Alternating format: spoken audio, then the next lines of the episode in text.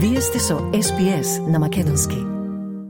Пратениците на Европскиот сојуз за промени што го сочинуваат партиите Демократско движење чи лидер е Изет Меджити, Алтернативата, чиј председател е Африм Гаши и Беса, на чие чело е Билал Касами, кој е и градоначалник на Тетово, вчера се обединија во една пратеничка група во парламентот составена од шестмина пратеници. Шеф на парламентарната група на албанската опозиција ќе биде пратеничката Сафие Садики Шаини. Како што објавија лидерите од овој сојуз, на овој начин партиите ќе добијат поголеми деловнички можности во работата на собранието. Новата пратеничка група вчера на пресконференција ја упати и првата реакција, односно изрази сомнеж дека власта подготвува нефер избори. Африм Гаши рече: Ние сме одлучни оваа битка да ја водиме се до целосното ослободување на албанците од режимот на Дуи и нивните чираци. Што се однесува до власта и до опозицијата, двете страни велат дека се подготвуваат за избори. Драган Ковачки од ВМРО ДПМН е на пресконференција рече. Ковачевски треба да го надмине своето его и треба да покаже еднаш државнички пристап, односно државнички капацитет и да се согласи во интерес на сите граѓани на Република Македонија да одиме на едни заеднички председателски и парламентарни избори. Дека ние сме подготвени за соработка и ние сакаме да се почитуваат законските и уставните одредби од кои што се предвидени значи за одржување на избори. Дарко Каевски од СДСМ исто така на пресконференција рече дека сепак изборите ќе бидат во редовниот термин идната година. Врсовство на оно што го зборивме целиот овој изминат период, а тоа е дека изборите ќе бидат во редовниот термин, нормално дека како сериозна политичка партија која што претендира да го освои мандатот за следните 4 години 24-28 и така како разговараме се спремаме Талат Джафери вчера повторно ги подсетил координаторите на пратеничките групи од власта за можните датуми за председателски и парламентарни избори. Единствена можност за заеднички избори за сега е 8 мај среда. Джафери вчера попладне преку писмена изјава реагира што градоначалникот на Тетово и председател на движењето Беса Билал Касами, како што вели во реакцијата, го злоупотребил собранието со тоа што ги прекршил воспоставените собраниски процедури за одржување конференции за печат во зградата на Законодавниот дом за лична политичка промоција.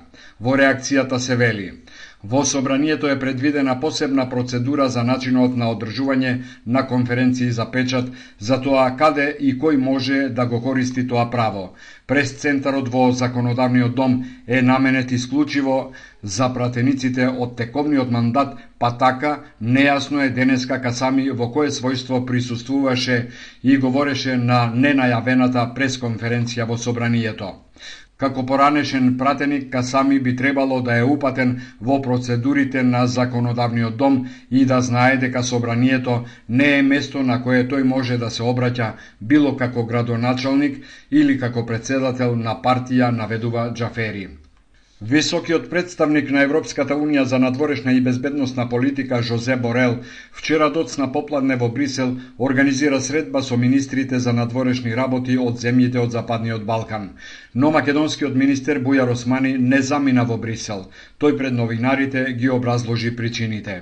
Во Брисел за ја пратив заменичката, заменик министерот за надворешни работи заради двата големи настани на опција што се одржува денеска и утре во Скопје, тоа е за невладините организации се разбира за младинскиот форум, тука е и генералната секретарка на ОПСЕ и сите повеќето амбасадори на земјите учеснички на ОПСЕ. Османи на новинарите им кажа дека една од темите на состанокот ќе биде можните кандидати за председавач на ОПСЕ за 2024 година. Зборуваме за конкретно решение за еден председавач, доколку нема веројатно одлуката ќе биде во Скопје донесена, дали тоа ќе биде друга земја членка, дали ќе биде Северна Македонија, ќе одлучи Министерскиот совет во Скопје, а јас се надевам дека сите министри за надворешни работи ќе успеат да бидат присутни во Скопје. Прашан дали има комуникација со кабинетот на рускиот министер за надворешни работи Сергеј Лавров и дали тој ќе присуствува на министерскиот состанок на ОПСЕ во Скопје, Османи одговори дека се уште нема потврда за доаѓањето на Лавров во Скопје.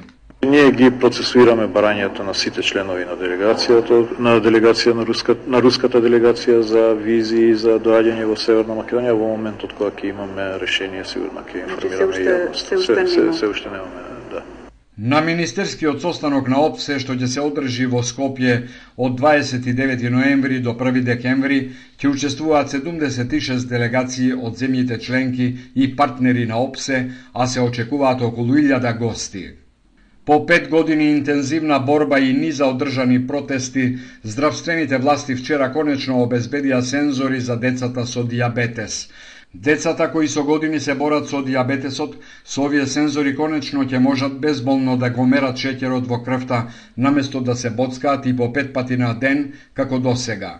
Но сегашните малолетници се прашуваат што ќе биде кога ќе станат полнолетни се надеваме дека ќе продолжат и да ни дават од кога ќе наполниме 18 години со оглед на тоа дека ние стануваат уште само две години сензори и после назад на бцкање ќе биде навистина лошо. Министерот за здравство Фатмир Меджити вети дека сензори ќе има и за сите пациенти на кои им се потребни. За брзо време, значи, ќе набавиме сензори и за другите засегнати пациенти е, со ова болест. Денеска е светскиот ден на борбата против диабетесот. Изминатава година беше особено тешка за диабетичарите од Македонија, бидејќи цела година се соочуваат со недостиг од ленти, глукомери и други помагала, поради што неколку пати протестираа. Скопје вчера прослави 79 години од ослободувањето од фашистичкиот окупатор. Методија Конески, жив сведок на настаните, за новинарите рече дека меѓу македонските борци никогаш немало колебање во акциите, туку само идеја за ослободување. Нашата војна беше голема, ние гиневне и пеевне.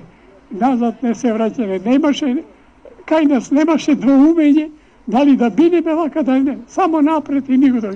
Наум Буревски, подпредседател на Сојузот на борците, рече дека македонскиот народ својата слобода во Втората светска војна ја има извојувано со пушка в рака.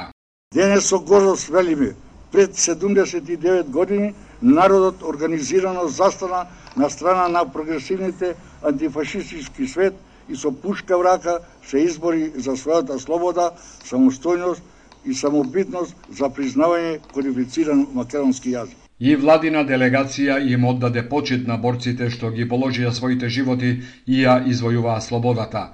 Во името на градот, градоначалничката Данела Арсовска рече. Би сакала денеска да ви се заблагодарам од срце.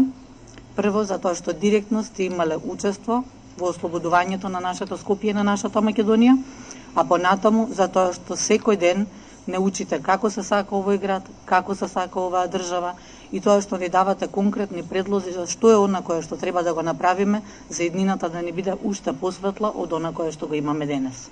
Во рамките на прославата на 13 ноември се одржа и други пригодни настани и свечености. Стиснете, ми се допаѓа, споделете, коментирајте. Следете ја SPS на Македонски на Facebook.